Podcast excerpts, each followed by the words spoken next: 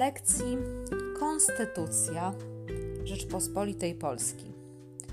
Samo pojęcie konstytucja jest bardzo stare i zapewne po raz pierwszy zostało użyte w starożytnym Rzymie, gdzie słowem konstytucjo e, oznaczano słowo inaczej po prostu zarządzać. I określono e, tym, tym słowem akty prawne wydawane przez cesarzy. Dziś pojęcie to oznacza akt prawny o najwyższej pozycji w hierarchii, zwany też ustawą zasadniczą. Uchwalana jest przez Zgromadzenie Narodowe, to znaczy połączone izby Sejmu i Senatu, a przyjmowane przez naród w referendum konstytucyjnym. Zawiera przepisy nadające organom państwowym uprawnienia do wydawania aktów prawnych niższego szczebla. Konstytucja określa w sposób ogólny ustrój polityczny, ustrój społeczny, system ekonomiczny państwa, sposób powoływania i odwoływania najważniejszych organów państwa, strukturę i kompetencje najważniejszych organów państwa i oczywiście podstawowe prawa i obowiązki obywateli. Konstytucję naszą dzielimy na e, najważniejsze takie rozdziały. E, jeżeli chodzi o e, tutaj początek samej konstytucji, nazywamy ją jako preambuła, e, czyli e, ten, ten wstęp jakby do, e, do, do, do samej konstytucji. Natomiast słuchajcie, ta konstytucja, która jest obecnie z 2 kwietnia 1997 roku, jest piątą konstytucją Polski w ciągu ostatnich dwóch stuleci. Polska stała się pierwszym konstytucyjnym e, państwem w Europie w końcu XVIII wieku, kiedy to Sejm czteroletni uchwalił w 1791 roku e, konstytucję 3 maja. Wiadomo e, oczywiście na pewno Wam z historii, że konstytucja ta miała być ratunkiem dla Rzeczpospolitej przez reformę państwa, przez zniesienie liberum veto, e, przez e, oczywiście tutaj e, zniesienie wolnej elekcji, ustanowienie monarchii dziedzicznej, konstytucyjnej. Mm, oczywiście tutaj miała też jakby pomóc Rzeczpospolitej w tamtym czasie wyjść z, z kryzysu. Ustanowiła nowoczesny, jak na owe czasy, system rządów, łączące elementy systemu prezydenckiego, tutaj oczywiście, e, z rozwiązaniami właściwymi dla monarchii parlamentarnej. Jak wiemy, ta konstytucja jakby e, no, nie miała realnych szans, żeby zaistnieć, ponieważ jakby nie zgadzała się z całym tutaj e, oczywiście mm, z postanowieniami tutaj zaborców. Jeżeli chodzi o e, pierwszą nowożytną konstytucją na świecie, była oczywiście ustawa zasadnicza Stanów Zjednoczonych z dnia 17 września 1787 roku. E, I ta konstytucja wraz z poprawkami obowiązuje do dziś. Jest bardzo krótka, bo składa się tylko z 7 artykułów i 27 poprawek. Natomiast właśnie tak, z tych takich ważnych konstytucji, jeżeli chodzi o polskie konstytucje, tak, to e, jeszcze, jeszcze tylko dodam, że tą, tą konstytucją drugą po naszej była oczywiście tutaj e, konstytucja z 3 września 1791 roku, konstytucja e, francuska. Ale wracając do naszej konstytucji, oczywiście tutaj e, e, trzeba pamiętać, że w historii naszych konstytucji Mieliśmy również Konstytucję Księstwa Warszawskiego z 1807 roku, e, którą oczywiście przypisywano Napoleonowi, chociaż on tylko ją po prostu e, jakby e, mm, zaaprobował. I Konstytucji Królestwa Polskiego z 1815 roku. Z takich ważniejszych ustaw zasadniczych, które wchodziły oczywiście mm, oprócz tej pierwszej ustawy rządowej z 3 maja 1791 roku, która była e, wolną jeszcze konstytucją, tak, w wolnym państwie, to kolejną taką e, wolną konstytucją w wolnym państwie była oczywiście ustawa zasadnicza, tak zwana Konstytucja Marcowa z 17 marca 1921 roku, która została wprowadzona po 123 latach zaborów. I ta Konstytucja Marcowa wprowadzała ustrój demokracji parlamentarnej i gwarantowała wszystkie prawa i wolności obywatelskie. Mm, jeżeli chodzi o jakby kolejną ustawą zasadniczą, tak, to mm, w, Pol- w, w drugiej RP jeszcze, słuchajcie, e, to było oczywiście e, jeżeli chodzi o tą konstytucję, to było oczywiście związana z przemianami politycznymi, jakie, nastąpiła, jakie nastąpiły w Polsce i z rządami sanacji, i z samym Józefem Piłsudskim, e, ponieważ po przejęciu władzy przez marszałka Piłsudskiego oczywiście realną władzą e, on dysponował, ale nie, jakby nie, nie był mm, głową tak, tego państwa w tym czasie, bo został marszałkiem. E, I właśnie tutaj oczywiście pamiętajcie, że te, ta zmiana była poprzez zamach stanu. I Piłsudski był za tym, żeby wzmocnić przede wszystkim, znaczy widział, co się dzieje w kraju, tak, że e, rządy parlamentarne prowadzą tak na dobrą sprawę do upadku Rzeczpospolitej, drugiej Rzeczpospolitej, dlatego że po prostu zmieniały się dosyć często rządy i nie podejmowano właściwych reform mm, państwa, które rzeczywiście e, no, jeszcze było słabe, bardzo słabe i było ciągle, ciągle atakowane ze strony państw sąsiednich. Więc trzeba było według Piłsudskiego e, konstytucji, która by wzmacniała e, władzę e, głowy państwa, czyli prezydenta. I dlatego, słuchajcie, jakby odbiciem tego jego pomysłów na system, który można będzie nazwać systemem autorytarnym, już nie demokratycznym, tylko autorytarnym, gdzie prezydent będzie odpowiadał tylko przed Bogiem i historią, to oczywiście Konstytucja Kwietniowa, która została nadana 23 kwietnia 1931 roku. I tam ona zwiększała zakres władzy prezydenta, ograniczała wpływy Sejmu i Senatu i dzięki temu też wprowadziła oczywiście tutaj y, system autorytarny. Prezydentem w tym czasie był Ignacy Mościcki. E, jeżeli chodzi o kolejne konstytucje, które e, jakby tutaj były w Rzeczpospolitej, tak, to e, trzeba pamiętać o mm, konstytucji, która, która w, znaczy tutaj jeszcze można by było wiele wymieniać, ponieważ ma, na przykład Wolne Miasto Kraków w 1818 roku z 11 września miało swoją własną konstytucję. E, też statut organiczny dla Królestwa Polskiego z 1832 roku, mm, czy kolejna konstytucja Wolnego Miasta Krakowa też z, 1800, z 1833 roku.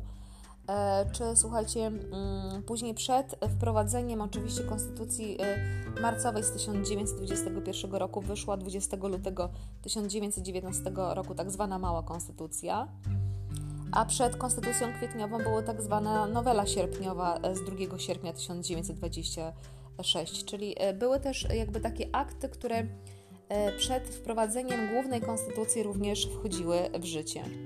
I później mieliśmy małą konstytucję z 1947 roku, e, którą komuniści próbowali oczywiście przeforsować i nowy system władzy, czyli system totalitarny w Polsce.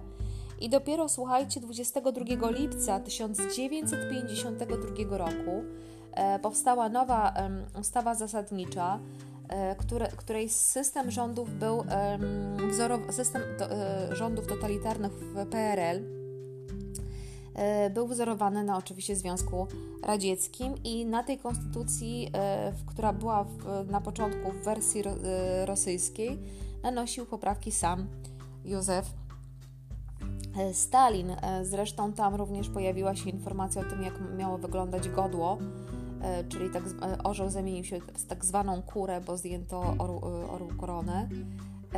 Również, słuchajcie, był pomysł samego towarzysza Bieruta, żeby, który wtedy rządził państwem, tak, żeby w ogóle zmienić hymn polski.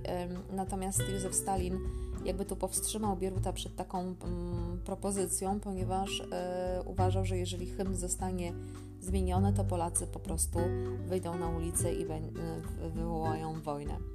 No ale wracając do tej e, konstytucji z 22 lipca 1952 roku, to była konstytucja oczywiście Polskiej Rzeczpospolitej Ludowej i była najdłużej obowiązującą konstytucją w Polsce. Przemiany zachodzące po 79 doprowadziły do przywrócenia w Europie e, Środkowo-Wschodniej systemów demokratycznych i należało też przeobrazić oczywiście tutaj prawo w Polsce, czego wyrazem była nowa konstytucja. Prace nad nią trwały od początku lat 90. Nowa ustawa zasadnicza została uchwalona 2 kwietnia 1997 roku przez Zgromadzenie Narodowe, a następnie została e, zatwierdzona przez ogólnonarodowe referendum. E, I tutaj słuchajcie, jeżeli chodzi o e, akt, który jakby mm, przed tą konstytucją nastąpił, podobnie jak przed konstytucją marcową z 1921 roku, wyszła tak zwana mała konstytucja. Cóż to jest ta mała konstytucja? konstytucja słuchajcie, mm, mała konstytucja zawiera zbiór przepisów przejściowych regulujących podstawowe obszary działania państwa e, i właściwie tak jakby umożliwia wprowadzenie mm, właściwej, dużej konstytucji, ale ma charakter tymczasowy i e, właściwie nie jest takim aktem, który, który miał być na stałe. E, jeszcze raz przypomnę, słuchajcie, jeżeli chodzi o wstęp do konstytucji, nazywamy go preambułą. E, I jeszcze tutaj trzeba by było, słuchajcie, dodać sobie oczywiście to, że e, co to jest nowelizacja. Nowelizacja jest to oczywiście wprowadzenie zmian do aktu prawnego. Jeżeli chodzi o konstytucję, to ona określa e, najważniejsze podstawy ustroju politycznego i wyznacza kompetencje najważniejszych organów władzy ustawodawczej, wykonawczej i sądowniczej, czyli określa te ten trójpodział władzy, tak? I oczywiście tworzy fundament państwa. Dlatego nazywa się ustawą zasadniczą, bo na niej zasadzają się pozostałe e, akty prawne. Jeżeli chodzi o y, państwa, które są państwami demokratycznymi, a nie mają na przykład konstytucji, to jest na przykład Wielka Brytania, gdzie jest tak zwane prawo tradycyjne, które istnieje już od wieków, tak, prawo zwyczajowe E, i nigdy ono nie zostało spisane w postaci konstytucji. Też podobnie, słuchajcie, jest oczywiście e, w Izraelu, gdzie gwarancje najważniejszych praw i wolności obywatelskich zostały ujęte w licznych, odrębnych aktach prawnych, a nie ma jednego głównego dokumentu, jakim jest konstytucja. Jeżeli chodzi o podział konstytucji, słuchajcie, e, to oczywiście dam Wam też link do Konstytucji e, Rzeczpospolitej z 1997 roku i tam chciałabym, żebyście sobie zapoznali się z, z tym, jak wygląda konstytucja, jak jest podzielona i, i e, jak dokładnie e, z czego się składa, tak? Ale jeszcze raz, najważniejszy ten, ten mm, podział to mamy preambułę, czyli ten wstęp. Po preambule następuje rozdział pierwszy, w którym jest mowa o o tym, e, jaki jest ustrój Rzeczpospolitej, e, e, jaką konstytucja oczywiście tutaj ma moc prawną i określa, w tym ustroju też zawarta jest, słuchajcie, zawarte są najważniejsze zasady, tak? To znaczy, że mm, właśnie w tym, w tym tej, tą najważniejszą zasadą ustrojową w rozdziale pierwszym będziemy mieć to, że E, jest zasada suwerenności e, narodu, jest to artykuł czwarty, w którym mowa jest o tym, że naród sprawuje władzę zwierzchnią w państwie i jest najwyższym podmiotem władzy. Artykuł czwarty mówi o zasadzie suwerenności narodu. E, kolejne artykuły, to jest artykuł drugi i siódmy, mówi oczywiście tutaj o oświeceniowej praworządności, czyli jest zasada państwa prawa. To, co podkreślał bardzo mocno Rousseau, że państwo musi się zasadzać na prawie i rzeczywiście tak jest, ponieważ organy władzy państwowej działają tylko w granicach prawa wyznaczonych przez prawo, czyli jest to zasada praworządności. Kolejny artykuł, to jest artykuł 10, mówi o zasadzie, zasadzie podzia e, podziału władzy, właściwie trójpodziału władzy. E, władza dzieli się w Polsce na władzę ustawodawczą, do której, e, którą mają oczywiście Sejm i Senat, czyli Parlament Polski, wykonawczą, którą ma prezydent Rzeczpospolitej oraz Rada Ministrów z prezesem Rady Ministrów na czele, e, i sądowniczą, która dzieli się w Polsce na trybunały i sądy. E, władze te mają odrębne kompetencje i się nawzajem równoważą. E, I ostatnia zasada, słuchajcie, w artykule 11 jest mowa o zasadzie pluralizmu politycznego. Ten pluralizm polityczny to nic innego, tylko oczywiście zagwarantowana e, swoboda zakładania i działania partii politycznej, ale też wielość partii politycznej, tak? Konstytucja w samej swojej preambule mówi o wolności wyznania, o wolności sumienia, e, o wolności słowa e, i gwarantuje wszelkie możliwe, oczywiście, tutaj swobody, jeżeli chodzi o obywateli z Polski. Polski. E, I właśnie w, dla Was najważniejszy jest rozdział drugi właściwie, ponieważ tam mamy o wolnościach, prawach i obowiązkach człowieka i obywatela. E, I tutaj e, wszystkie jakby takie najważniejsze zasady zgodnie z tutaj powszechną deklaracją praw człowieka z 1948 roku Organizacji Narodów Zjednoczonych.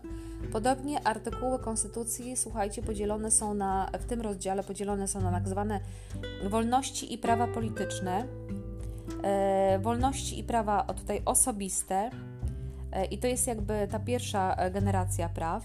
Drugą generacją są oczywiście te wolności i prawa ekonomiczne i kulturalne, a trzecią generacją praw są tak zwane, nazywane tak może trochę socjalistycznie, ale tutaj prawa kolektywne, e, czyli takie ogólnonarodowe, ogólnoświatowe właściwie, międzynarodowe, takie jak prawo do pokoju, czy prawo do e, bezpieczeństwa e, ogólnoświatowego, czy prawo też tutaj, słuchajcie, do czystego środowiska, do tutaj można by było do rozwoju takiego mm, technologicznego i tak dalej też również wskazać. Jeżeli słuchajcie, mówimy dalej o tej konstytucji, to kolejny rozdział mówi o źródłach prawa, rozdział trzeci. Rozdział czwarty dotyczy Sejmu i Senatu i te, te, tego najważniejszego organu ustawodawczego, o, tym też jak przebiega oczywiście e, proces legislacyjny, czyli pro, proces ustawodawczy w Polsce, kto ma inicjatywę ustawodawczą. I to wszystko oczywiście o kompetencjach e, ilości osób, które wchodzą w skład Sejmu i Senatu, jak, długo trwa kadencja i tak dalej, o wyborach też e, parlamentarnych. Rozdział 5 e, mówi o prezydencie Rzeczpospolitej Polskiej, na jaką kadencję jest wybierany, jak długo, e, ile, ile razy może zostać wybrany, jakie są jego uprawnienia jako głowy państwa, jako oczywiście tutaj względem pozostałych władz i tak dalej. E, kolejny rozdział dotyczy, to jest oczywiście rozdział szósty, dotyczy Rady Ministrów i Administracji Rządowej. E, kolejny rozdział e, dotyczy samorządu terytorialnego. Jakie są kompetencje samorządu terytorialnego? Co to jest w ogóle samorząd terytorialny? Tak? Jakie są wybory do samorządu terytorialnego? Rozdział ósmy mówi o sądach i trybunałach. Rozdział dziewiąty o organach kontroli państwowej i ochrony prawa. Rozdział dziesiąty mówi o finansach publicznych. E, rozdział 11 o stanach nadzwyczajnych, między innymi właśnie o takich stanach nadzwyczajnych, w jakich my się teraz znajdujemy. E, rozdział 12 mówi o, e, oczywiście o zmianie konstytucji, a rozdział 13 to przepisy końcowe i przejściowe, takie podsumowanie samej konstytucji. Jakie są funkcje konstytucji? Słuchajcie. Pierwsza funkcja konstytucji to jest funkcja prawna, ponieważ konstytucja jest podstawą dla całego systemu prawnego państwa, najważniejszym z dokumentów w hierarchii aktów prawnych w ogóle. Wszystkie akty prawne muszą być zgodne z konstytucją i dlatego na e, jakby mm, straży e, tej, tej, e, tego, tego właśnie znaczenia konstytucji w procesie legislacyjnym oczywiście stoi tutaj Trybunał Konstytucyjny ten Trybunał Konstytucyjny ma sprawdzać zgodność każdej ustawy, jeżeli ona wchodzi w życie. Oczywiście, jeżeli zostanie odniesiona do Trybunału Konstytucyjnego, ma stać na straży właśnie zgodności danej ustawy, danych przepisów prawnych z treścią Konstytucji. E, kolejna funkcja to jest funkcja integracyjna, to znaczy polega ona na zintegrowaniu zbiorowości wokół zasad zawartych w Konstytucji oraz e, w wykształceniu się poczucia odrębności. Kolejna funkcja to jest oczywiście funkcja ustrojodawcza, czy też ustrojotwórcza, tak? ponieważ w tej konstytucji są najważniejsze zasady funkcjonowania państwa.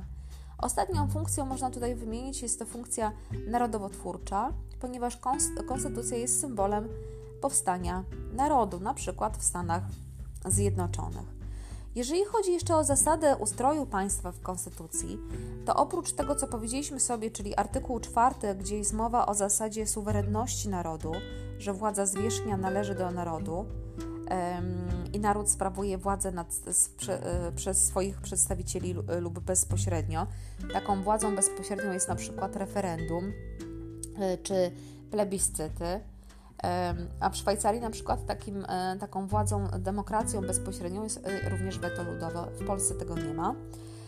Zasada trójpodziału władzy to jest artykuł 10, gdzie władza wykonawcza, ustawodawcza i sądownicza, to już Wam powiedziałam. E, i każda z tych władz oczywiście funkcjonuje samodzielnie, one się równoważą i kolejny jakby tutaj e, punkt jest z tym związany, również działają na zasadzie prawa. E, moi, moi drodzy, kolejna rzecz to jest artykuł 20, również tego samego rozdziału, mówi o tym, że gospodarka w Polsce jest gospodarką wolnorynkową. Co to znaczy? E, to znaczy o tym, że e, to znaczy społeczna gospodarka rynkowa oparta jest na wolności działalności gospodarczej, własności prywatnej, solidarności, dialogu i współtwórcy partnerów społecznych. No, stanowi to oczywiście podstawę ustroju gospodarczego. W Polsce wypracowany jest e, oczywiście model kapitalistyczny, e, ponieważ ład gospodarczy oparty jest o własność prywatną, i wolność przepływu dóbr na rynku. E, I oczywiście tutaj e, przy jednoczesnym ograniczeniu roli władzy publicznej jedynie do funkcji tej nadzorczej. Poza tym artykuł drugi, artykuł siódmy mówi o tym, że jesteśmy, że działamy, państwo nasze i organy władzy państwowej działają zgodnie z prawem i w ramach prawa, czyli jest to zasada demokratycznego państwa prawa. Kolejna zasada, już Wam o niej powiedziałam, to oczywiście artykuł 11 i w tym artykule 11 jest zasada pluralizmu społecznego, politycznego i gospodarczego. Co to oznacza? Że każdy obywatel ma swobodę wyrażania swoich poglądów politycznych, wyboru tych partii, z, którym, e, z których programem się utożsamia. Pluralizm polega również na wolności zakładania i przynależności związków zawodowych, fundacji czy ruchów obywatelskich. Zasada pluralizmu gwarantuje obywatelom wolność przekonań społecznych i politycznych również e, swobodę prowadzenia działalności gospodarczej, ochronę własności prywatnej, ale również, moi drodzy, też w tym, w tym pluralizmie społecznym jest wolność wyznania, wolność słowa, wolność sumienia. E, kolejna rzecz to jest oczywiście tutaj e, zasada samorządności. Znajdziemy tę zasadę samorządności w artykule 15 i w artykule 16. Co to znaczy? My już ostatnio troszeczkę o tym samorządzie powiedzieliśmy sobie, ale trzeba wiedzieć, że samorządność jest fundamentem demokratycznego państwa. Organy samorządu zapewniają obywatelom udział w sprawowaniu władzy i tak na dobrą sprawę realny wpływ na nią. Samorządność gwarantuje decentralizację władzy, czyli ten podział władzy. Nie jest tylko władza skupiona w rękach oczywiście yy, rządu, parlamentu. I artykuł 15 Konstytucji mówi o tym, że ustrój terytorialny Rzeczpospolitej Polskiej zapewnia decentralizację władzy publicznej. Artykuł 16 mówi o tym, że ogół mieszkańców jednostek zasadniczego podziału terytorialnego stanowi z mocy prawa wspólnotę samorządową. Samorząd terytorialny uczestniczy w sprawowaniu władzy publicznej. Przysługują mu w ramach ustaw istotną część zadań publicznych samorząd wykonuje w imieniu własnym i na własną odpowiedzialność. I to, co sobie ostatnio powiedzieliśmy, samorząd terytorialny dzieli się na gminę, powiat i województwo, i w każdym z tych oczywiście obywatel odpowi odpowiednie władze wybiera przez swoich przedstawicieli. Dodatkowo trzeba pamiętać, że e, każdy z tych samorządów posiada swoje własne kompetencje, swoje własne zadania i te zadania również zlecone. I na to od państwa otrzymuje subwencje, dotacje oraz Oczywiście, tak jak w przypadku gminy, e, ma swoje własne e, podatki lokalne. E, I samorząd jest po to, żeby jak najsprawniej ten, to państwo funkcjonowało. Zasada pluralizmu mediów. Co to oznacza? Że jest wolność prasy, wolność pozyskiwania informacji oraz jej rozpowszechniania. Nie dopuszcza się istnienia cenzury i wywoływania wpływu na media. O tej zasadzie mówi artykuł 14 Konstytucji. Rzeczpospolita Polska zapewnia wolność prasy i innych środków społecznego przekazu. W artykule drugim mówi, mówi się o zasadzie sprawiedliwości społecznej. Co to znaczy? Że państwo ma za zadanie opiekować się, ma e, opiekuńcze zobowiązanie państwa wobec obywateli. Artykuł 30 mówi oczywiście też o zasadzie godności człowieka. E, ta zasada mówi o tym, że e, przyrodzona i niezbywalna godność człowieka jest nienaruszalna i stanowi źródło wolności i praw jednostki. Jeżeli słuchajcie, chodzi o e, tutaj. Mm, jeżeli chodzi o sytuację taką, jak wygląda prawo międzynarodowe w stosunku do Konstytucji Rzeczypospolitej, to Konstytucja w rozdziale trzecim, w artykułach, e, w od 89 do 91 mówi o tym, że ratyfikacja przez Rzeczpospolitą Polską um, umowy międzynarodowej i jej wypowiedzenie wymagają uprzedniej zgody wyrażonej w ustawie, jeżeli e, umowa dotyczy pokoju, sojuszy, układów politycznych lub układów wojskowych wolności, praw lub obowiązków obywatelskich określonych w Konstytucji. Członkostwa Rzeczpospolitej Polskiej w organizacji międzynarodowej, znacznego obciążenia państwa pod względem finansowym, e, spraw uregulowanych w ustawie lub w których Konstytucja e, wymaga ustawy. I teraz e, słuchajcie, jeżeli chodzi o um, tą ratyfikację umów międzynarodowych, uchwalana jest oczywiście przez Sejm większością dwóch trzecich głosów w obecności co najmniej połowy ustawowej liczby posłów, czyli z 460, yy, oraz przez Senat większością dwóch trzecich w obecności co najmniej połowy, czyli tej maksymalnej liczby 100, 100 senatorów. Wyrażenie zgody na ratyfikację takiej umowy może być uchwalone w referendum również ogólnokrajowym. E, ratyfikowana umowa międzynarodowa po jej ogłoszeniu w Dzienniku Ustaw Rzeczpospolitej, e, gdzie również znajduje się konstytucja, stanowi część krajowego porządku prawnego. Umowa międzynarodowa ratyfikowana za uprzednią zgodą wyrażoną w ustawie ma pierwszeństwo przed ustawą, jeżeli ustawy tej nie da się pogodzić z umową. Tak to wynika, jeżeli chodzi o yy, to prawo międzynarodowe w stosunku do konstytucji. Yy, teraz Wasze zadanie yy, do domu dzisiaj będzie takie, że chciałabym, żebyście odnaleźli konstytucję, przejrzeli, jak ta konstytucja E, wygląda, tak, z czego się e, dzieli, jak, jak się dzieli, żebyście zerknęli do rozdziału drugiego, również do preambuły, tak, i, i tutaj oczywiście do tej preambuły, tą preambułę sobie całą e, przeczytaliście, przeczytajcie. Chciałabym też, żebyście jakby tutaj zerknęli sobie w przypadku teraz naszym takim dosyć trudnym przypadku E, tego życia, jak, jak wygląda nasze w sytuacji epidemii, chciałabym, żebyście zerknęli sobie do rozdziału 10, e, przepraszam, 9 Konstytucji Rzeczpospolitej, do stanów nadzwyczajnych w Konstytucji Rzeczpospolitej. I chciałabym, żebyście na podstawie tego e, jakby mm, zrobili pracę mm, krótką, tak, na temat właśnie z czego składa się konstytucja, o czym mowa jest w preambule oraz o czym mowa jest w tym e, dziewiątym rozdziale Konstytucji Rzeczpospolitej. Jeżeli chodzi, e, słuchajcie jeszcze dalej, jeżeli chodzi o mm, procedurę zmiany Konstytucji Rzeczpospolitej, e, to to znajdziemy w rozdziale 12. I chciałabym teraz jeszcze tak na szybciutko Wam to omówić.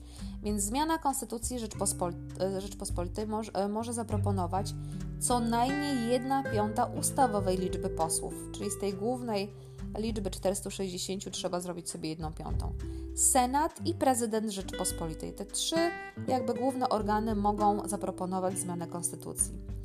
Zmienić konstytucję można jedynie na drodze ustawy uchwalonej w jednakowym brzmieniu przez Sejm i następnie w terminie dłuż, nie dłuższym niż 60 dni przez Senat.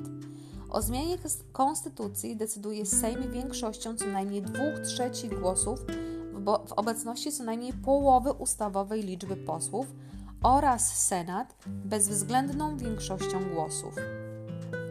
I tutaj proszę Was, żebyście zreknęli oczywiście na wytłumaczenie, co to znaczy bezwzględną większością głosów. E, w obecności co najmniej połowy ustawowej liczby senatorów. Jeśli zmiana dotyczy rozdziału e, pierwszego, czyli o Rzeczypospolitej, czy drugiego o wolnościach, prawach i obowiązkach e, człowieka i obywatela oraz rozdziału 12 o zmianie Konstytucji Rzeczypospolitej, podmioty uprawnione do występowania z inicjatywą zmiany Konstytucji mogą zażądać przeprowadzenia referendum ogólnokrajowego w ciągu 45 dni od daty uchwalenia ustawy przez Senat. Zmiana konstytucji zostaje przyjęta, gdy opowie się za nią większość y, głosujących. Po zakończeniu trybu legislacyjnego uchwalona przez Sejm ustawa trafia do gabinetu prezydenta. Prezydent podpisuje ją w ciągu 21 dni i zarządza jej ogłoszenie w Dzienniku Ustaw Rzeczpospolitej. Ostatnia nowelizacja Konstytucji Rzeczpospolitej miała miejsce 7 maja 2009 roku. Wprowadzono wtedy zapis, według którego wybraną do Sejmu lub Senatu e, nie może być osoba skazana prawomocnym wyrokiem na karę pozbawienia wolności za przestępstwo umyślne, ścigane z oskarżenia publicznego. Nowelizację najpierw przegłosował Sejm, potem Senat, a 9 lipca podpisał ją prezydent wtedy Lech Kaczyński. Zmiana weszła w życie 20 października 2009 roku z zastrzeżeniem, że dotyczy dopiero Sejmów przyszłych kadencji. E, to tyle na dzisiaj, e, moi drodzy, jeżeli chodzi o konstytucję. E, chciałabym, żebyście zapoznali się to, mm, z, tą, mm, z tymi rzeczami, o których Was prosiłam. Jeżeli chodzi o jeszcze kwestie tych metod wyznaczania większości, to tak na koniec, w ramach takiej powtórki, mam nadzieję, E, jeszcze ze szkoły podstawowej przypomnę Wam, czym była ta e, większość zwykła, e, większość bezwzględna oraz większość kwalifikowana, jeżeli chodzi o Sejm. Więc większość zwykła jest to taka, taki sposób liczenia głosów, kiedy większa liczba głosów za niż przeciw jest, ale głosy wstrzymujące się od wstrzymujące się nie są brane pod uwagę. To jest oczywiście większość zwykła. E, jeżeli chodzi o większość bezwzględną, to teraz uwaga, bo o niej była mowa w, w sprawie konstytucji. Większa liczba głosów za niż suma głosów przeciwko, przeciwko i wstrzymujących się razem, czyli większa jest liczba głosów za niż suma głosów przeciwko i wstrzymujących się. Wymóg bezwzględnej większości obowiązuje m.in. w wypadku odrzucenia przez Sejm poprawek Senatu do ustaw lub da, dla uchwalenia wotum zaufania Radzie Ministrów. I większość kwalifikowana, czyli ta liczba głosów za, musi sięgnąć określonej liczby całkowitej, przewyższającej połowę liczby uczestników głosowania i nie mniejszej niż ułamkowo określona część tej liczby uczestników głosowania. Czyli ta najczęściej ta liczba 2 e, trzecie, ale w parlamencie polskim e, oczywiście i tutaj e, zmiany także 3 piąte lub 11, 11 20 też takie liczby się znajdują, ale 2 trzecie i 3 piąte to oczywiście w polskim parlamencie taka liczba jest. Więc jeszcze raz przypomnę, jeżeli chodzi o głosowanie nad nad y, konstytucją, nad zmianą konstytucji. Y, Sejm musi mieć co najmniej 2 trzecie głosów, natomiast Senat bezwzględną większością głosów. To tyle na dzisiaj. Dziękuję Wam serdecznie. Do usłyszenia i do pracy. Zdrówka.